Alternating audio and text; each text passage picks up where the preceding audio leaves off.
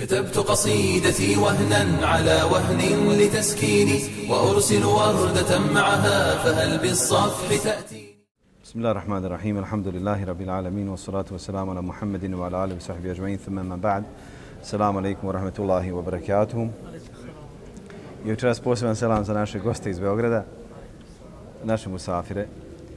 Mi smo došli do 107. godine po Hirži. Te godine Ibn Kathir je spomenuo samo nekoliko ukratko događaja, kao i u čitavom periodu do 109. odnosno 110. godine, a većinu je dakle ovdje svoje priče posvetio smrti određenih tabina, velikana, Fesira i Krime i drugih o kojima ćemo govoriti i pojedinih pjesnika, između čega je i autor ove njegove knjige zamjerio mu na nekoliko opaski, pa je e, spomenuo zbog čega je posvetio više pažnje pjesnicima nego tabeinima, a onda je potpunio jednim novim, potpunio jednim novim referatom o njima. Između ostaloga, jer je spomenuo tu nedostatak u dijelu e, Tekmil od Ibn Kethira, gdje Ibn Kethir to često spominje, pa smo posvetili pažnju tome i tome našem dijelu, a kaže onaj autor, odnosno ovaj koji je sabrao i napisao e, ili prekucao njegov tu mahtut, odnosno taj rukopis, kaže na to dijelo nije, nije našao ni on, niti bilo ko od alima koje on poznavao u svome vremenu. 107. godine u Jemenu se pojavio čovjek po imenu uh, Abad Ra'ini, koji je ponovo, nanovo pozvao u mezeb Haridžija. Sa njim se okupila, odnosno oko njega se okupila jedna skupina ljudi, a protiv njih se borio Jusuf ibn Omer, pa je ubio i njega i sve njegove prijatelje. bilo je nešto oko tri stotine. Ove godine je u Šamu ponovo zavladala žestoka kuga. Ove godine Muavija ibn Hišam ljetni pohod e, poveo na Bizantiju pod vodstvom, odnosno u vojsci koju je predvodio Mejmun ibn Mihran. Kaže, pa su prešli preko, mola, preko mora, preko Kipra, došavši na obale evropskog tla, odnosno Bizantije. Sa druge strane, Mesleme na kopnu vodio drugu vojsku. Ove godine je Esad ibn Abdullah el-Husari sa skupinom od onih koji su pozivali u hilafet Beni Abbas u Horasanu. Ona imao okršaj, pohapsio i razapeo ih i javno osramotio na trgovima. Ove godine je Esad Husari na brdima ili planinama Kavkaza poveo bitke. Osvojio je tamo određene ili pojedine prijedjele ili države. Zatim je nastavio svoj napad prema e, planinama Goura i kada je došao do njih, e, prije što su stvari došli, stanovnici tih naselja su sve svoje usjeve i sve svoje blago odnijeli visoko u planine do kojih se nije moglo lako popeti. Pa ih je onda natjerao, nakon što je osvojio, natjerao da sve to na nosilima i u kantama snesu od ozgo sa brda, kaže pa je uzeo onaj to kao plijen. Dakle, dva puta se napatil džabi. Ove godine je Esed naredio također da se sagradi velika utvrda oko Belha, a postavio je Bermeka, sina od Halda ibn Bermeka. Odnosno, oca od eh, Halda ibn Bermeka. Alikum salam, Ove godine je preselio od uglednika Suleiman ibn Jesar, jedan od tabina. On je bio brat od Ata ibn Jesara, od njega se prenosi neka dakle, mnogo predaja od, e, od ashaba. Bio je jedan od poznatih muštehida u Ibadetu. Bio je izrazito lijep, umro je u Medini, imao je 73 godine. Za njega se pripovijeda da je kod njega ušla neka lijepa žena, zaključila vrata i ponudila mu se, a on je zaplakao i izletio iz kuće, odbivši nju i njenu ponudu. Pa je te noći usnio Jusuf, ali selam, pa kaže, Ja sam, kaže Jusuf, a jesi ti, kaže Sulejman, kaže jesam. Kaže, ja sam Jusuf i htio sam, pa me Allah spriječio. A kaže, ti si, tebi se ponudila, pa kaže, nisi htio. Što znači da je bio bolji od... To je predaja. U drugoj predaji se stoji da je se ovo desilo nekome od eh, uh, hađađovi, dakle, porodcu u njegovo vrijeme, da se to isto desilo, pa da je zaplakao u snu i rekao, ja sam, kaže, htio, Jusuf njemu rekao, ja sam htio, a ti nisi, tio, Allah najbolji zna. Ove godine je također preselio Ikrime eh, oslobođeni rob Ibn Abasa jedan od tabiina, jedan od najistaknutijih mufesira, alima, odgajatelja, ljudi koji su mnogo, mnogo putovali u potrazi za znanjem. Njegova kuna je bila Ebu Abdella, prenosio je od velikog broja ashaba, čak što više kaže da je doživio 200, on se susreo sa 200 ashaba.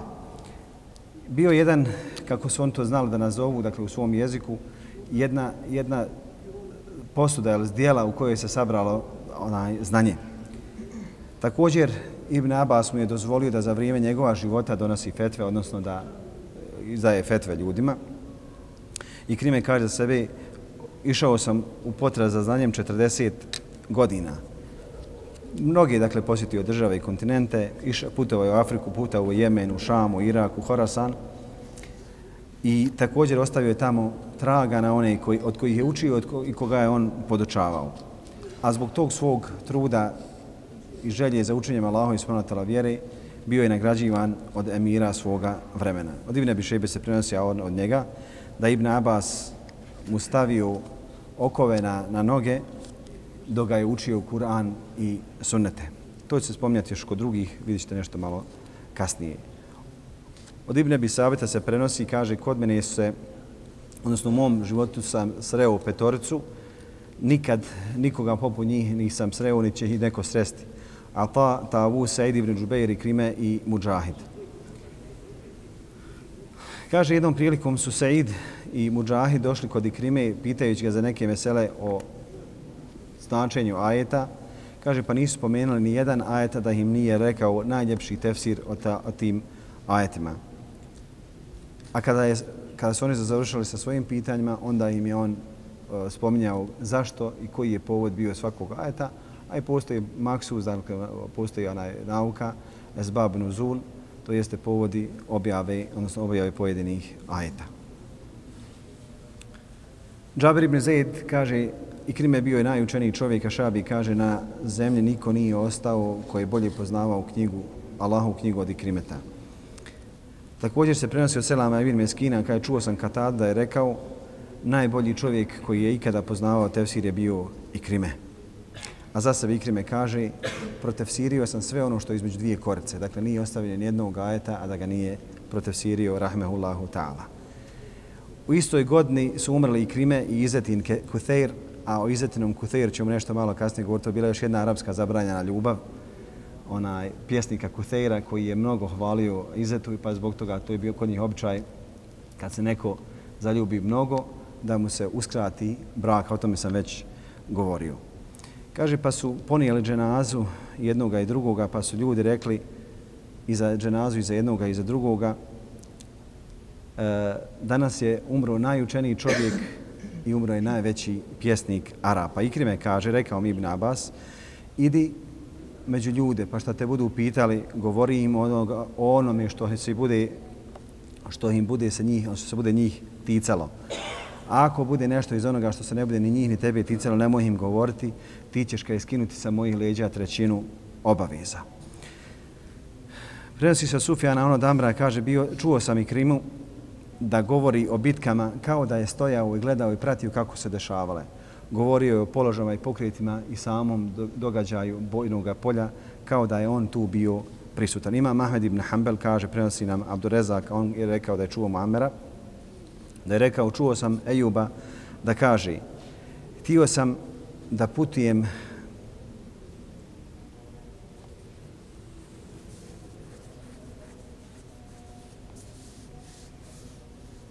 idući put ako Bog da, ne, ništa Hadžija, Hadžija, sam pa, idući put, ko, ko od vas može doneti jednu čezu, termosku i finžane?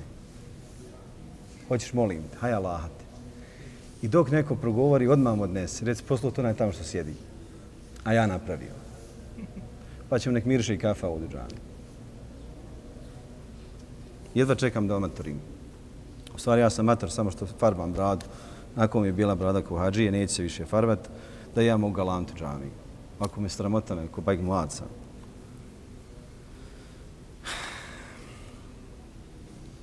Kad htio sam da putujem radi krimeta, da ga tražim po svijetu, pa mi je neko rekao eno ga na suku, odnosno na tržnici Basri. Kaže, tamo sjedi čovjek na magarcu, a oko njega se okupilo puno, puno ljudi, pa neko reče, ono ti je i krime. Tio sam da ga pitam, a i mnogi drugi su došli da ga pitaju. Pa su me, kaže, ljudi gurali dok nisam onaj prišao njemu, pa sam čuvao njega da, da se ne prepadne magarac, pa sam čuvao čitao vrijeme, sam kad gledao samo i slušao ono što su ga drugi pričali, nisam kad uspio ni jednu riječ progovoriti.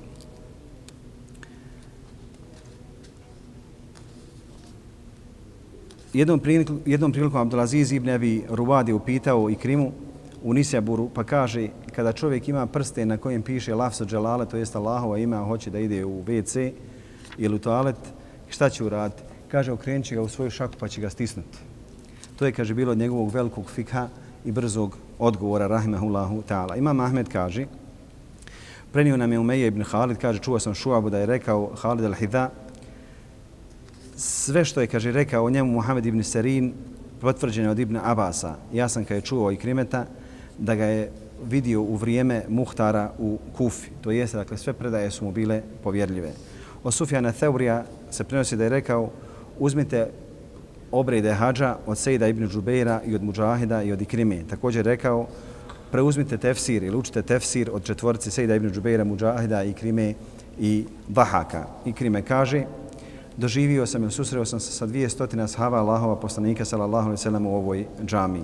Također se za krime prenosi da je rekao konji koji su odzeli pažnju Sulejmanu alaihi bilo je 20.000 pa je 20.000 i zaklu.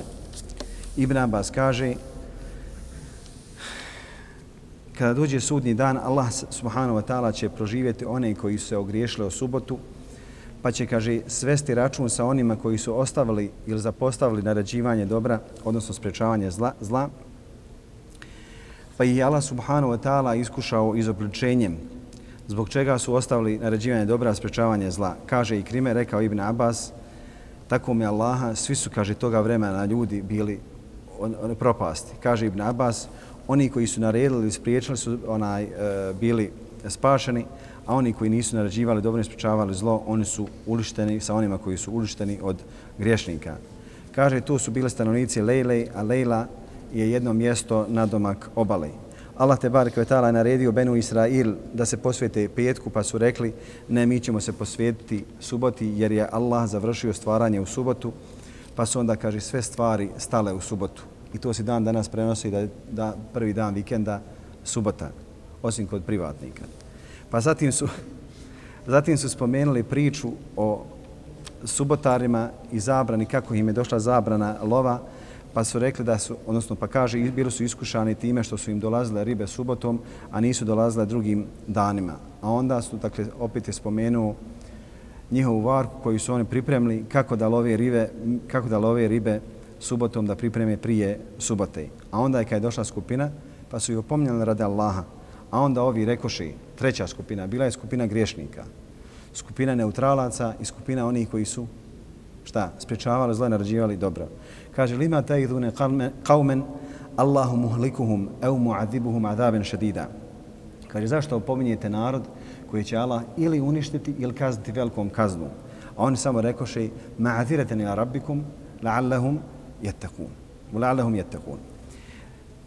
Kaže, mi ih opominjemo samo da imamo pravdanje pred Allahom, a možda će oni, kaže, doći e, bogobojaznosti. Kaže i Krime, kada je rekao Ibn Abbasu da su oni koji su bili, dakle, e, opominjali reda radi i oni koji su bili u gafletu su bili isti, to jeste da su bili uništene sve tri skupine, Allah najbolji zna. Također se od Ikrime prenosi, a on prenosi o stanju Benu Israila, koliko su bili iskušani, kao što je danas u našem vremenu rašireno mito i korupcija.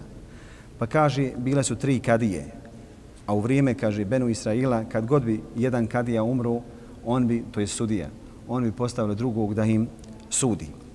Pa je Allah te barke vetala poslao, Irhamkela.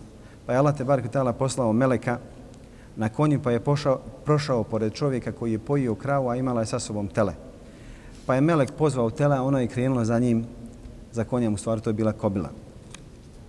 Pa je ovaj došao i rekao, šta radiš sa mojim teletom? Kaže, ovo tele je moje. Melek njemu kaže, a ovaj koji pojio ne zna. Kaže, ovo tele je moje. Kaže, tele je od moje krave. Zar ga nisi vidio bilo s mojom krave? Ne, ovo je moje krave. Kaže, hoću da se parničimo kod tog i tog sudije. A Melek je ponio sa sobom tri bisera, pa je dao prvom sudiji i rekao, presudi meni, kaže, ovu parnicu. Kaže, šta hoš da presudim? Kaže, kada pustimo kobilu i kravu, ako tele krene za, za kobilom, reci da je od ove kobile tele. Pa je sudija rekao, ne skiraj se, vi ćete, kaže, od tvoje kobile. Pazite, možemo se mi smijati, ali on je ovo predaje, samo i ovo dvije predaje spomenuo zbog, odnosno, važnosti, opasnosti mita i korupcije i drugu predaju spomenuo vezano za sadaku, ja ću, sad ću nju iščitati, onaj, i mimo svih predaje koji Krime imao, vjerovatno njih je dvije istakao zbog njihove važnosti, a posebno radi našeg vremena, ona, i ja sam odlučio da vam iščitam ih. Kaže, pa su otišli kod onoga drugoga, a drugi je isto tako postupio. Pa su rekli, ima treći kadija, hoćemo kod treće kadije. Kaže, kad su došli kod treće kadije, on ispričaše kadiji kakav je slučaj bio. Kaže, kadija, nema problema, samo dođite mi, kad je sutra danas vam ne mogu presuditi. Kaže, on što kad je dobio sam menstruaciju. Kaže, Melek, kaže, subhanallah, zar muškarac ima menstruaciju? Kaže, isto ko što kobila, ona je tele i tele ja šta je kobila i teladi i krava u našem vremenu, da se Allah subhanahu sačuva. A onda Melek reče, reče, ja sam poslan od Allaha da iskušam pravednost ovih koji sude. Također, Ebu Bekri ibn Ajaš prenosi Ebu Hamze Themali, on od Ikrime, pa kaže da je jedan od vladara pozvao, odnosno oglasio ili otelalio, protelalio među ljudima, kogod bude davao sadaku da ćemo oba dvije ruke osjeći. Pa je došao neki siromašan čovjek kod neke žene, pa je rekao joj, daj mi nešto, udijeli mi nešto. Ona reče, zar nisi čuo na, za proglas vladara koji je zabranio da se daje sadaka? A ona, odnosno on reče, daj mi nešto radi Allahova lica, neće valjda niko saznati. Pa mu je, kaže, dala dvije korice hljeba, odnosno dvije kriškice hljeba. Međutim, vijest kao u svakom vremenu dopire do nepravednog vladara, kaže, pa je naredio da joj se oba dvije šake odrežu. Zatim je nakon tog događaja isti taj vladar svoje majici rekao majko, nađi mi najljepšu ženu našeg doba da je oženim. Kaže, sine, našla sam jednu, ali su i oba dvije šake odrezane.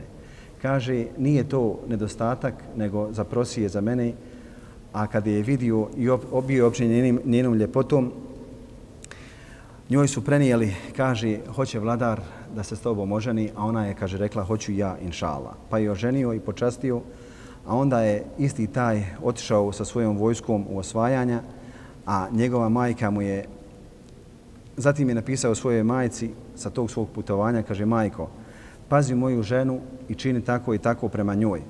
A kad je došao izaslanik i došao među njene, njene inoće i zbog zavisti koje su nosili u svojim prstima, halalte prsima, uzeli su pismo i promijenile ga. Promijenile ga, dakle, izmijenile njegov, uh, njegov tekst. Pa su rekle, da, kao da se on obratio majci, kaže, majko, vidi kakva je ta i ta, čuo sam da od nje svakakve vijesti dolaze, da se da radi tako i tako i da izlazi iz kuće.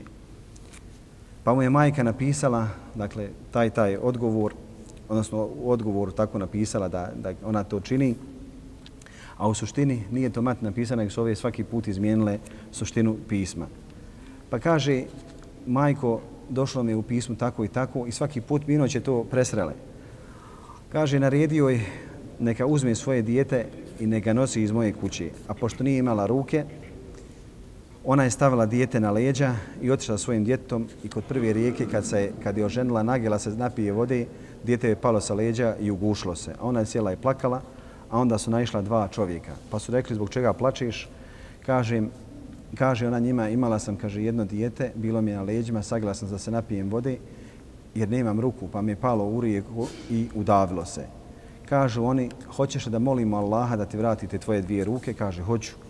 Kaže, pa joj Allah vratio ruke onakve kakve su joj bile prije toga. Kaže, mi smo one dvije korice hljeba što se dala, onda je stradala zbog njih.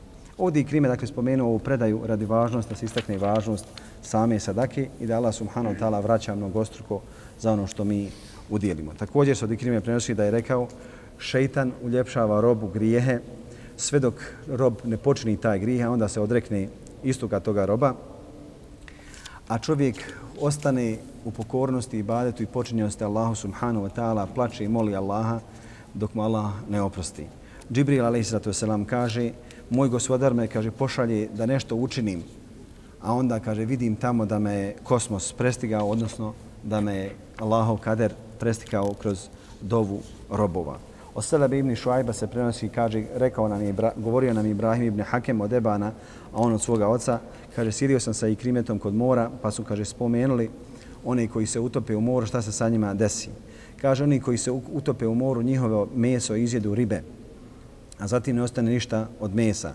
Sve dok, kaže, ne raspadne se meso i dok prašna ga ne iznese iz mora, ispari, pa ga prašna raznese po usjevima, pa ga, kaže, pod, pojedu deve, a onda, kaže, deve ga preradi, izbace kroz balegu, a onda, kaže, ljudi uzmu tu balegu pa potpale njome vatru, a onda, kaže, vatru, dim i pepeo razastre vjetar široko na zemlji. A onda, kad Allah bude htio, proživit će njih kao isto kao što će proživiti one iz kaburova, neće mu biti ni jedno ni drugo teško.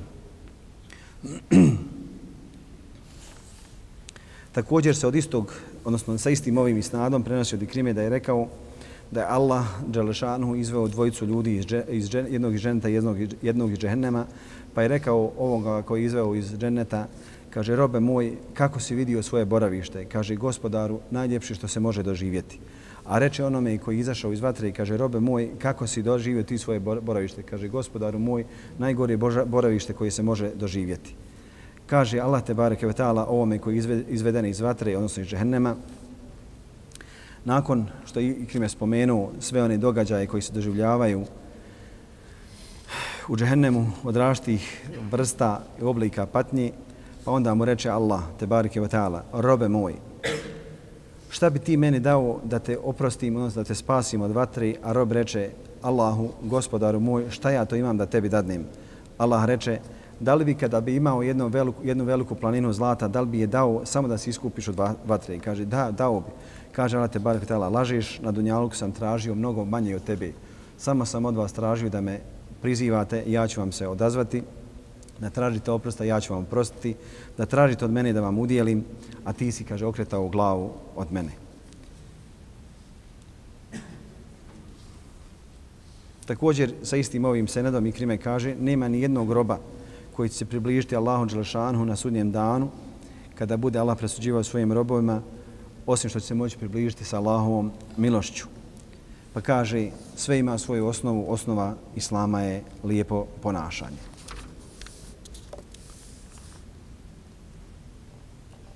Također se prenosi od Deseda ibn Afa, a on od Ikrim od ibn Abasa, da je rekao Allahu poslanih sallallahu alaihi wa sallam, neka niko od vas ne prisustuje, ne prisustuje kada neko na nepravedan način bude bjen, jer se Allahova, Allahovo prokletstvo spušta sa nebesa na onoga koji udara i onaj koji je prisutan i gleda.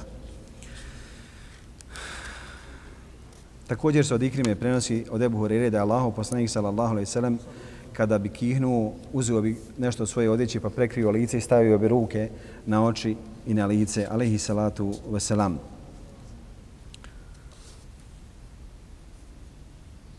Također se od njega prenosi a ono da iše da je Allahu da je Allahov poslanik sallallahu alejhi ve sellem imao dva komada odjeće strašno grube, krute. Pa je rekla Iša, Allahov poslanice imaš krutu i grubu odjeću.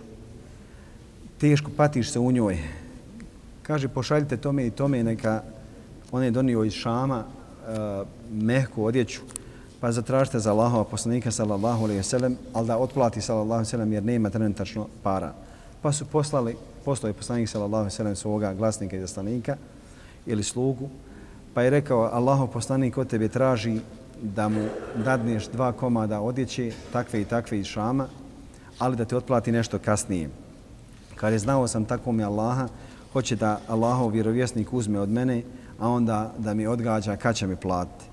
Pa se vratio ovaj glasnik Allahovom poslaniku sallallahu alejhi ve sellem i rekao šta je ovaj rekao. Kaže Allahov poslanik sallallahu alejhi ve sellem nije rekao istinu, slagao je vi kaže znate da sam ja najbogobojazniji među vama i da sam onaj koji izvršava svoje manete i toga dana Allahov poslanik sallallahu alejhi ve rekao da od vas neko obuče odjeću koja je totalno od zakrpa, bolje mu je nego da pozajmi tuđu odjeću koja nije njegova.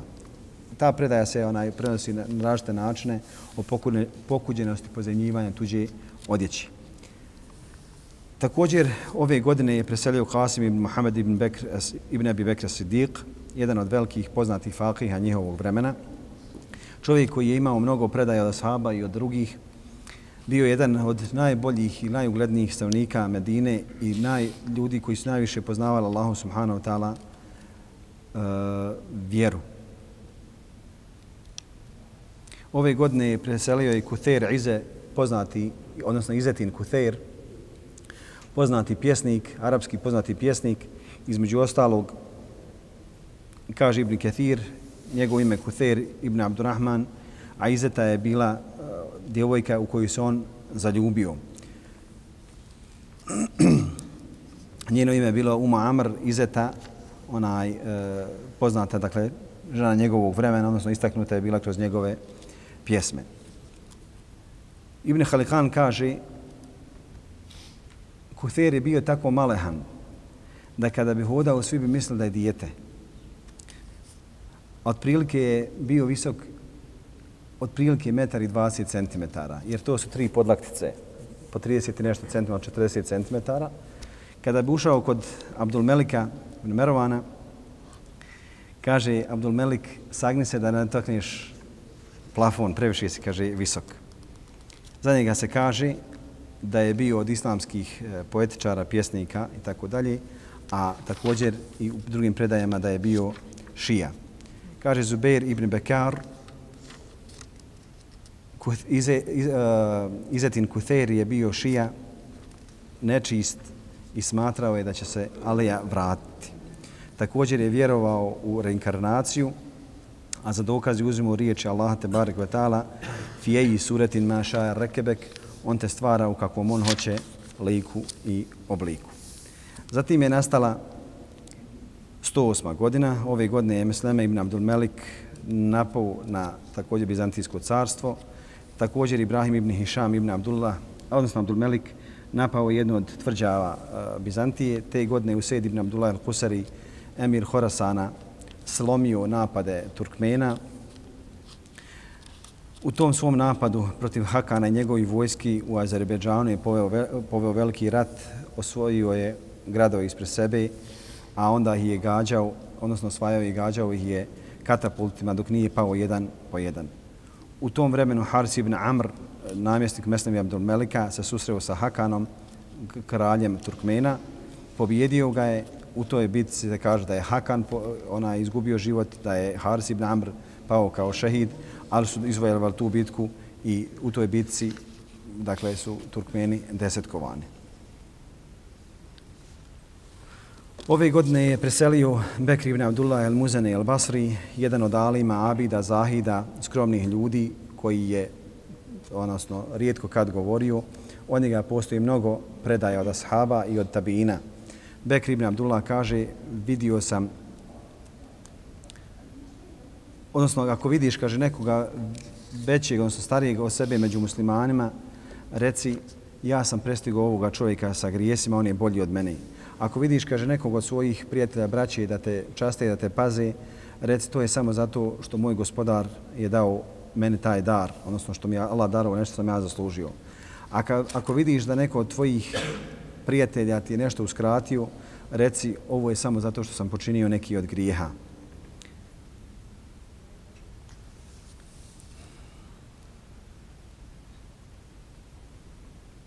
Kaže također, ako vidite čovjeka da priča mnogo o nedostacima drugih ljudi, ljudi znajte, odnosno zaboravi na svoje nedostatke, znajte da ga je Allah već zaveo. Također se od njega prenosi da je rekao od Benu Israila kada bi ljudi dostigli jedan nivo ibadeta, odnosno bogobajaznosti, Allah bi naredio oblacima da mu pravi sjenku, odnosno hladovinu. Je tako jednom prilikom prošao čovjek i za njegove glave je onaj, pratio ga oblak, pa je vidio nekog čovjeka kako je neugledan, pa je ovaj u svom srcu osjetio uh, odbojnost prema njemu, a onda je Allah Đelšanu ga kaznio pa je naredio oblaku da pređe na ovoga neuglednoga, a da ostavi ovoga zbog njegovog kibura, odnosno njegove oholosti. Također ove godine je preselio Rašid ibn Sad al-Miqran al-Himsi, čovjek koji je dugo godina živio, prenosi od velikog broja ashaba, a bio je poznat po, svome, po svojoj dobroti i zuhdu rahimehullahu ta'ala.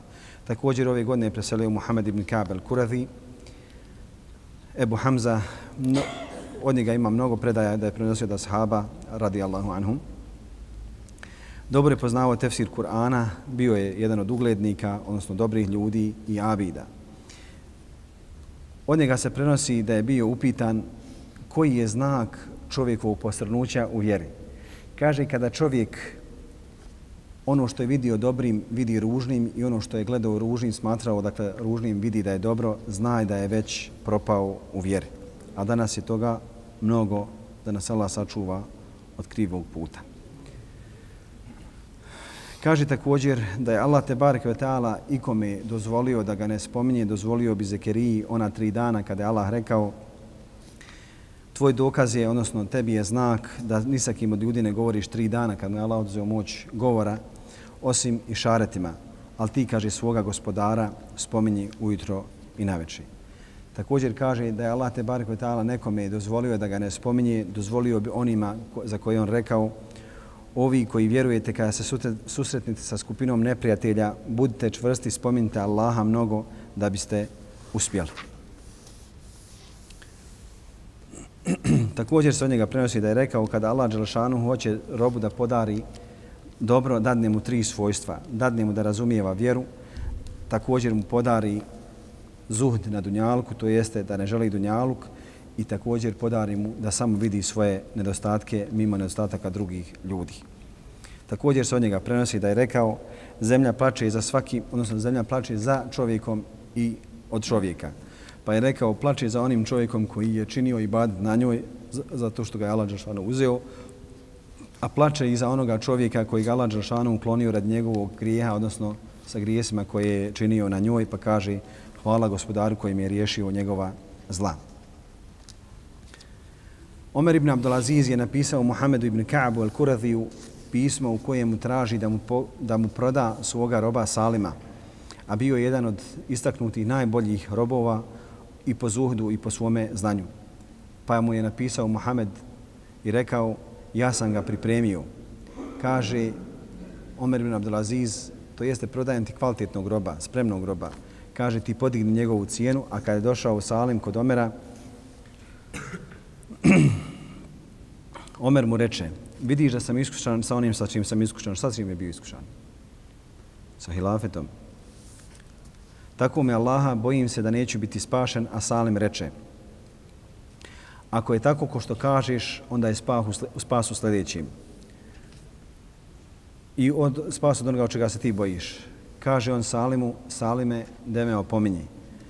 Kaže, Adem ali selam je pogriješio jedan, odnosno učinio jedan grijeh, pa je izveden iz dženeta, a vi, kaže, činite grijehe, nadat se pored mnoštva grijeha da budete uvedeni u dženet, a zatim je ošutio. A onda je rekao, kao što stoji u nekim objavama od Allaha te bareke ve taala da je Allah napisao vi kaže sijete loša djela a nadate se dobru. Neće se grožđe ubrati sa trnja odnosno sa ostrugi također se e, prenosi da je dakle Muhammed ibn Ka'b učio Kur'an i da je uživao. Pa kada je upitan kaže šta misliš o teobi Kaj nisam kadar da je upotpunim dakle teško je teobu učiniti kada neko kaže pokajao sam se, treba pravilnije reći šta? Gospodar, podari mi pokajanje. Ne možeš reći tubtu i lejk, nego reci tuba lej. Jer pokajanje teško može ko da dostigne osim iskren rob. Kaže, šta misliš o čovjeku koji dadne Allahu prisegu da nikada neće počiniti grijeh? Kaže, ima li iko veći griješnik od njega da se suprostavi Allahovom kaderu? To jeste, ljudi su griješnici i njihovo je da se kaju. Zatim je nastala 109. godina. Ove godine je Hišam ibn Abdul Melik smijenio Esada ibn Abdullaha Kusarija, namjesnika Horasana, naredio mu da dođe u Ramazanu, odnosno da krene u, onaj, na hađ i da mu, da mu onaj, krene u, već u mjesecu Ramazanu. A postavio je kao njegove zamjenike Hakema ibn Avanu Kelbija i Hišam ibn, odnosno Ešesa ibn Abdullaha Sulemija. Kaže se za Ešesa da je bio toliko dobar čovjek, on je brat od Halda al-Kusarija. Halda al-Kusarija sam prošli put spominio po čemu. Šta je uradio sa Džehmom ibn Safvanom? Nemojte tako vraću. Kurbanio ga, ja rabi. Lako je vama, niste vi pred objektivom. Kaže, toliko je bio dobar, dakle, brat od Halda al-Kusari, Ešres, toliko je, kaže, bio dobar da su mu dali nadimak potpuni, savršen. Zbog njegove počinjenosti Allahu te barek ta'ala i džihadu na Allahovom putu.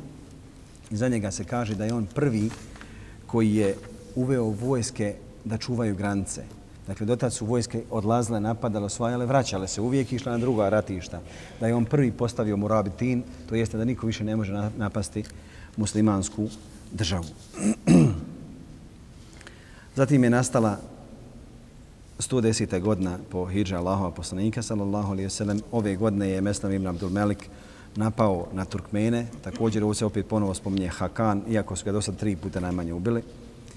Zatim je Mesleme sa velikom skupinom napao onaj, e, na njihove vojske i to je bila zima. U toj, odnosno, toj bitci je izvojevao e, pobjedu, a ta se bitka je nazivala, odnosno ti, ti su ratnici muđahidi dobili ime Uzato Tin, to jeste muđahidi gline blata, jer su u svom povratku pretrpjeli, pretrpjeli mnogo i kiše, i močvara, i bara, i svega onoga što nisu bili navikli kao pustinski Arapi. Kaže, ove godine Ešes ibn Abdullah Sulemi, namjesnik Horasana, pozvao Zimije Semerkanda da prime islam i da će im on dokinuti džiziju.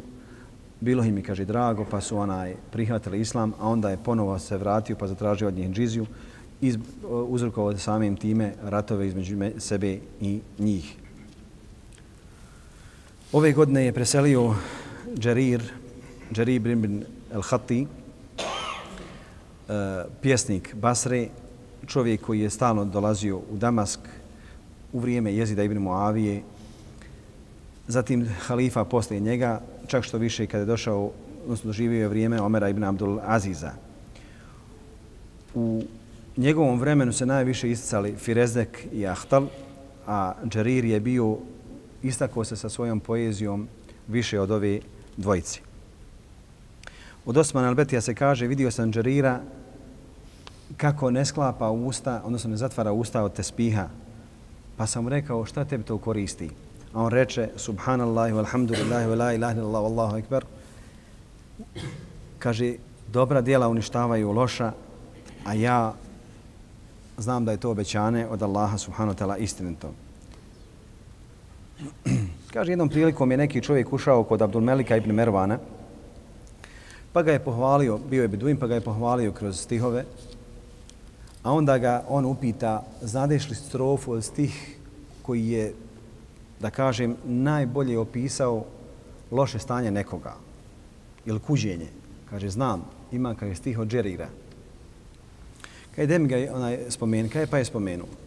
A znadeš li, kaže, strofu koja je najviše nekoga pohvalila, kaže, znam, također strofa od, od Džerira. Kaže, znadeš li, kaže, strofu koja je najemotivnija spomenuta u istoriji pjesništva. Kad znam, ima kaj strofa od Džerira. A on ga upita, kad je znaš li ko je Džerir, kaže ne znam. Kaže, ovo ti je Džerir, ovo ti je Firezdek, ovo ti je Ahtal. A onda on reče strofe u kojima pokudi i Firezdeka i Ahtala, a Firezdek i Ahtal mu odgovoriše sa još žešćim, a Džerir skoči u njegovu odbranu, pa mu spjeva pjesmicu onaj, da ga pohvali. I onda ustade, poljubi ga u čelo, jer je pohvalio Džerira. To je kod njih bilo se, cijenilo se. Cijenilo se to danas. Kako vane bi? Koliko pivača uzmu za jednu noć? A, nemojte tako. To je kod nas danas umjetnost. Jedan daje, jedan šejh, kao da održi neđe predavanje, Braće se dogovaraju koliko će mu skupiti u Sići da mu plati gorivo. I nikad predavanje ne možeš platiti. Možeš se platiti šejh predavanje. Ne možeš, čovjek jednostavno poduči Allah vjeru. A dođu ljudi, otpjevaju nekoliko pjesama, I ne znam kako to se zove, nije aranžman, kako to se naziva ako nije moderno. Honorar, zakala hilmamer. Honorar je početni 30 do 50 hiljada, nekad maraka, negdje je ojri, zavisi gdje ako pjeva u Bosnu su marke, ako pjeva van su ojri. I plus ono što mu zakače, pa plus harmonikaš, pa plus tamburaš, pa plus bubnjar i tako. Je li tako ili nije? Dakle, uvijek se cijenile posebno gluposti. U njih, molim, Jest, bravo, džzaka Allah. To je tako na Dunjalu. U njihovo vrijeme se cijenila proza i poezija, stihovi, jer su oni tako isticali svoju vrijednost. To je bilo prije poslanika sallallahu alejhi ve sellem, vrijeme poslanika sallallahu alejhi ve sellem. I poslanik sallallahu alejhi ve sellem imao, imao je svoga pjesnika po imenu Hasan ili Hasan ibn Thabit. Hasan ibn Thabit je bio pjesnik Allaha poslanika sallallahu alejhi ve sellem, pa kada bi Allahu poslanik sallallahu alejhi ve sellem tražio od Hasana ibn Sabita da odgovori onaj eh, e, džahilima, mušicima, kaže, ustani i ne govori osim istinu. Dakle, reci im fakat ono što, se, što je istina, ali dakle, potari sa njima zemlju. I to je bila njegova uloga. I uvijek su pjesnici tu, pa kaže, Džerir je ustao, poljubio ga u čelo, spomenuo nekoliko stihova, kaže, zar vrijedite čovjeka zato što ste glupi što je ono zabrao među vama najboljega, tako mi moga gospodara, i ti jahtali, i ti firezdeku, samo ste, kaže, izmislili čovjeku nepravdu. A već i onaj ponizio, već je ponizio pred, pred njim i on je to čuo. Kaže, pa je rekao, tako mi Allaha, danas moja nagrada ide tebi, pa mu je dao 5000 dirhema. Abdul Melik reče i od mene, kaže, toliko isto. Pa je, kaže, ovaj Beduin odišao sa 10.000 dirhema. Prenosi se da je Naftovej jednom prilikom bio prisutan kad je Džerir ušao kod Biša ibn Mervana, a kod njega je sjedio Ahtal, pa kaže Bišr Džeriru, znaš li, kaže, ko je ovo? Kaže, ne imam pojma. Kaže, ovo je Ahtal. Kaže Ahtal njemu, ja sam onaj koji je skrnavio tvoju čast, onaj koji te probudio noćima i onaj koji je vrijeđao tvoj narod. Kaže Džerin njemu, Ahtal je bio šta? Kršćan. Je bio kršćan. Kaže njemu Džerir, to što kažeš da si onaj skrnavio moju čast, šta smeta moru kad se neko uguši u njemu? Dakle, to meni ništa ne znači. Ti si u odnosu na mene, ništa. Džerir je bio opas. Vidite šta mu je rekao kad je umro. To što kažeš da si me budio noću, bolje ti je bilo da, pusti, da me pustiš da spavam, da ne pričam o tebi. A to što kažeš da si ponizio moj narod, dovoljno što tvoj narod mome nosi džiziju. Ahtal je bio jedan od kršćana, Arapa i na osnovu njegovog stiha su džehemije koristili dokaz da je Allah za vladu i za gospodario Aršom, da se Allah nije uspio iznad Arša. Suprotna akidi, ehl selim. Pa kaže, kad isteva bišu alel Iraqi, i za gospodario, zavladao je bišu Irakom, min gajri sejfin wa demin mihraqi, bez isukane sablje ili prosute krvi. Pa su džahmije uzeli ovo kao dokaz da riječ istiva znači isto što je šta? Istevla. Međutim, isteva i istevla nisu iste. Istevla znači za gospodariti sa nečim, za vladati sa nečim što nije bilo prije u tvojoj ruci. Dok je istiva Allahu osmanu tala uspeće na arš. I to je, to je dio naše akide, našeg vjerovanja i ubjeđenja. Oni su, dakle, pomiješali ova značenja jer bi to značilo da prije aršom i svemirom je vladao neko drugi, a ne Allah te barke ta'ala. Kako stoji u njegovoj ovdje strofi, odnosno njegovom e, stihu. Ibn Ketir je ovdje malo odulio od džahmijama, ali na kraju je rekao Allah ka je prokleo jahtela i njih.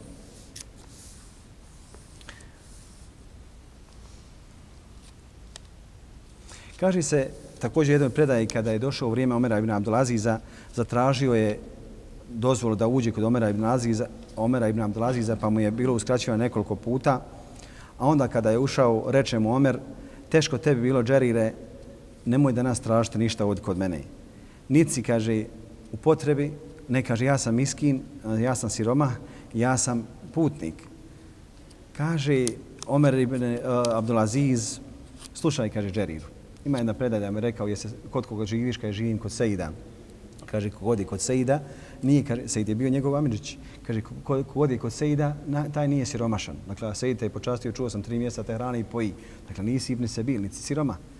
U ovoj predaj kaže, slušaj kaj je Džerire, ja imam, kaže, 300 dirhema platu godišnju za sebe, žena mi je uzela stotinu, djeca su uzela stotinu, stotina je moja ostala. Evo, kaže, moja stotina. Kaže, pa je Džerir izašao, a tamo su ga sustrali tamo su drugi pjesnici koji nisu mogli da uđu kod Omera ibn Abdulaziza jer on nije volio pjesnike.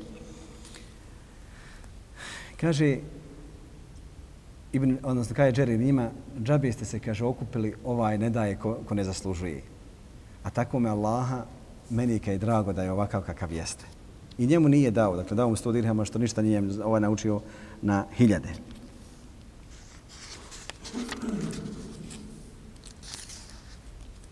Jednom prilikom ga je neki čovjek upitao ko je najveći pesnik na Dunjaluku, pa on ga uze za ruku i uvede ga kao svoga oca. A njegov otac nagio vime od koze i štrica sebi mlijeko u usta. Kaže, vidiš, kaže onoga, a kaj mlijeko ni s bradom silazi. Vidiš, kaže onoga čovjeka, kaže vidim, znaš ko je, kaj ne znam, kaj to je moj otac. Vidiš, kaže, kako mu je brada pobijelila. Vidiš, kaže, šta radi sa mlijekom, kaže što? Kaj neće da čuju komšije kako muze u muzlicu da ne bi čuli, pa bi tražili od njega mlijeka, toliko je bio škrt. A vjeruj mi da je 80 pjesnika sjedlo pred mojim ocem, nikoga nije mogao sa pjesmama, odnosno sa strofama ili poezijom savladati. Između Džerira i Firezdeka također su bile rasprave i uvrede. Stalno toku njihova života. Njih su dvojica umrli u 110. godini i kaže se da su umrli onaj, u kratkom razmaku od mjesec dana. Pa neki čovjek je usnio od Džerira u nekoj predaji da je 40 dana, kaže, usnio je Džerira, kaže, šta je Allah sa tobom uradio na onome svijetu? Kaže, oprostio mi je. Kaže, zbog čega? Kaže, zbog jednog tekbira, što, jednog tekbira kojeg sam donio u jednoj dolini gdje nikoga nije bilo. A šta je bilo sa Firezdekom? Kaže, Allah ga je uništio na onome svijetu. Kaže, zbog čega? Zato što je vrijeđu časne i ugledne žene. Kaže, subhanallah, Esme'i. Esme'i poznati pjesnik njegova, ona je pjesmica Bulbul, slavuj. Kaže, subhanallah, kaj nije ga ostavio ni živoga, ni mrtvoga. Dakle, i u, snu, u snu ga, snovima ga je onaj e, sramotio. Što se tiče Firezdeka, on je bio Hamam ibn Ghalib ibn Sa'sa. Ghalib ibn Sa'sa, odnosno Sa'sa je bio njegov djed, ibn Nađije, ashab Allahova poslanika, sallallahu alaihi wa sallam. Uh, ova je bio, dakle, Tamimi el-Basri, poznati, dakle, pjesnik, a njegov djed, djed je bio poznat još i u džahilijetu prije nego što je došao islam po tome što je otkupljivao e, curice i spašavao ih da ih ne zakupavaju žive u pjesak. Kaže se da je jedan put došao sa svojim ocem kod, eh, kod Alije radi anhu, pa je Alije radi anhu rekao ko je ovaj, kaj to je moj sin, poznati pjesnik, kaže bolje ti da ga naučiš Kur'anu, više će mu u životu koristiti. Kaže, Ibn Kathir družio se, odnosno susreo se sa Ebu Hureyrom, sa Ebu Saidem al-Hudrijem, sa Arfeđom i Saadom, Zurarim ibn Kerebom i mnogim drugim ashabima i tabijinima. Od Firezdeka se prenosi, kaže, Ebu Hureyre je pogledao moje noge pa je vidio da su mi noge male, pa kaže, o Firezdek, noge su ti, kaj stope su ti male. Zašto kaj ne moliš Allaha da ti u dženetu dadne toliko mjesta koliko mogu one stati? Kaže, mnogo imam grijeha. Kaže, ne smita, čuo sam Allahova poslanika, sallallahu alaihi sallam, da je rekao, Na zapadu imaju otvorena vrata za te obu, neće se zatvoriti sve dok sunce ne izađe sa zapada. Također se prenosi da je e, Muavija ibn Abdul Kerim prenio svog oca, kaže, ušao sam kod Firezdeka, pa sam vidio na njegovim nogama okove, pa sam ga pitao šta ti je to na nogama, kaže, neću iskinuti sve dok ne naučim Allahovu knjigu na pamet. Kada mu je umrla žena, prenosi se od Esmeje, kaže, kada mu je umrla žena po imenu Nawar, kći od Ajuna ibn Dabije Međašije, ostavila je oporuku, on je već dio, dao razvod i to tri puta, Kad je dao razvod, on se pokajao i spjevao pjesme o tome kako mu je teško, kako mu je žao što se razveo od nje. A pozvao je Hasan al-Basrija da bude svjedok, pa kaže, pokajao sam se što sam je dao razvod, pokajao sam se što sam to uradio tri puta na jedan put i pokajao sam se što sam pozvao Hasan al-Basrija kao svjedoka. A ona kad je preselila, rekla je da Hasan al-Basriju klanja dženazu jer je bila pobožna i dobra žena. Kaže, pa je Hasan sjedio na svojoj muli, a ovaj je sjedio na svojoj jahalci, pa je Hasan rekao Firezdeku, Firezdek, šta narod priča? Kaže, narod kaže da su danas došla dva čovjeka na dženazu, najbolji ti i najgori ja. Kaže o njemu ja, Eba Firas, nisam, kaže, najbolji čovjek, niti ti najgori čovjek. Zatim ga Hasan upita, šta si pripremio za ovaj dan? kaže šehadet la ilaha illallah 80 godina. Dakle, kako znam za sebe, pripremio sam šehadet. Kada je Hasan sklanjao njoj dženazu, stali su kraj njenog kabura, pa je Firezek spjevao nekoliko pjesnika, pjes, odnosno strofa. Hasan zaplaka do te mjere da su mu suze padale na prašinu. I kaže da se nakon ovoga događaja i Firezdek došao te obi i vratio se Allahu, a Hasan mu reče, bio si mi jedan od mrskih ljudi, a danas si mi najdraži. Također, te godine je preselio, preselio Hasan ibn Abil Hasan. A koji je to bio? Hasan el? Hasan el Basri, rahmehullahu ta'ala. On je bio oslobođeni rob Zejda ibn Sabita. Kaže se za njega da je bio oslobođeni rob Džabira ibn Abdullaha i pripisuju se drugima. Njegova mati je bila uh, Hajra, oslobođena robkinja od Umu Seleme, a Umu Seleme je žena od koga? Poslanika sallallahu alaihi wa sallam kad god bi je Umu Seleme poslala da obavi neki posao, ona bi zakasnila, pa je Umu Seleme dojela njega, iako dakle, ga nije imala čime onaj podojiti. Kaže se, odnosno Ibn Ketir kaže, smatra se da je taj beričet iz poslanikovi sallallahu sallam prešao na Hasana el Basrija, dakle jedan od razloga, a drugi razlog je bio što je njegova matka često iznosila među ashabe, i tražila da sahaba da uči njenom djetetu dovu, a Omer ibn Hatab mu je rekao, odnosno zamolio Allaha pa je rekao gospodaru, dadni mu da svata vjeru, da razumije vjeru i učini ga omiljenim među ljudima. Jednom prilikom je Enes ibn Malik bio upitan za neku meselu, pa je rekao, upitajte našeg Mevlana, on su govorili riječ Mevlana, to je za oslobođene robove, pitajte našeg me, Mevlana Hasena. Kaže, čuo je i slušao ono što smo mi čuli, a on je zapamtio, a mi smo, kaže, zaboravljali. Enes jednom prilikom kaže, najviše što sam zavidio stanovnicima Basre jeste ova dvojica šejhova Hasan i Ibn Sirin. Katade kaže, nikad nisam sjedio sa čovjekom poučenim ili naučenim kao što sam vidio da je to Hasan el Basri. Također, kaže, moje oči nikada nisu vidjeli učenijeg čovjeka od Hasana el Basrija. Ejub kaže, čovjek je znao doći u društvo od Hasana, sjedio bi kod njega tri godine, nije ga smio upitati nijedno pitanje i straha od njega i njegovog ugleda kojeg je uživao. Kaže Šabi, kad sam došao u Basru, vidio sam da je najbolji, najljepši, najugledniji među njima Hasan el Basri. Yunus ibn Ubejd kaže, bilo je dovoljno ljudima da pogledaju Hasana, da se okoriste od njega bez da čuje išta od njegovih riječi.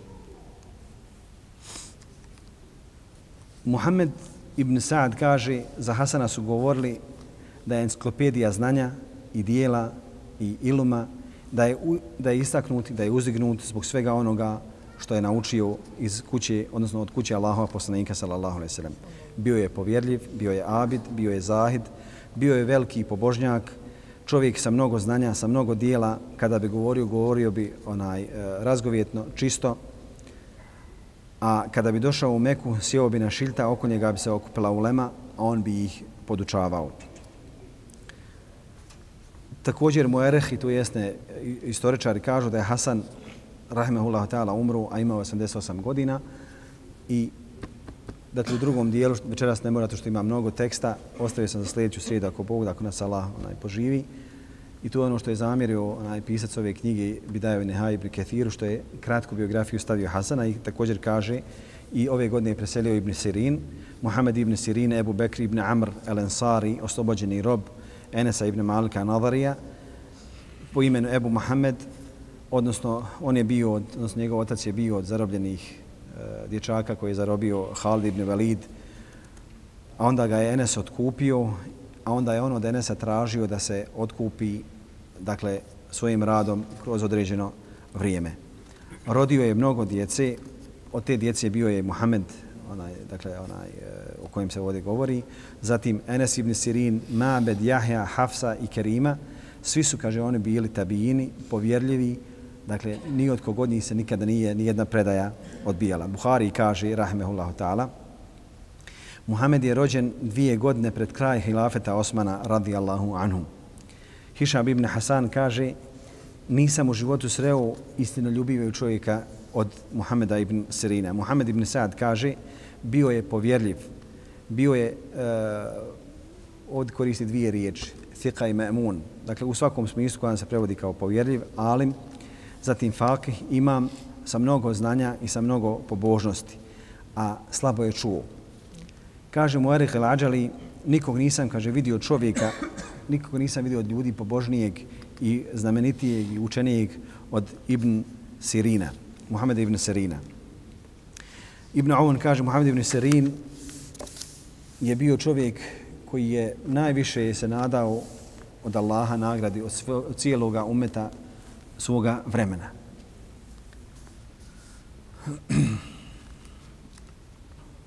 Ibn Aun kaže, na Dunjaluku niko nije zaplakao kao što su zaplakala trojica ljudi, straha od Allaha. Muhammed ibn Sirin u Iraku, Qasim ibn Muhammed u Hidžazu i Ređa ibn Hajve u Šamu. A mi smo spominjali Ređa ibn Hajve kad smo radili najviše koga? Omer ibn Abdelaziza jer on je bio njegov savjetnik i on je prošto oporuku nasjesta nakon Sulejmana. Kaže, ova trojica kad su govorili hadise, prenosili su hadise sve harf po harf, nisu mijenjali hadise od Allahova poslanika sallallahu alaihi wasallam. Šabi je govorio, držite se, kaže, onoga nagluhog, misleći na Muhameda ibn Sirina, ibn Šozib kaže, nikoga nisam vidio da zna ljepše tumačiti snove kao što je bio ibn Sirin. Umro je 9. ševala ove godine nakon Hasana stotinu dana, o sallallahu ala sejidna nabina Muhammed, ala Muhammed, a idući put ćemo obratiti siru, odnosno halalte. Obraćamo biografiju njih oba dvojice kao dio ove godine. Zakumullah, hajra, ljuza, obarek, Allah, fiku. كتبت قصيدتي وهنا على وهن لتسكيني وأرسل وردة معها فهل بالصفح تأتيني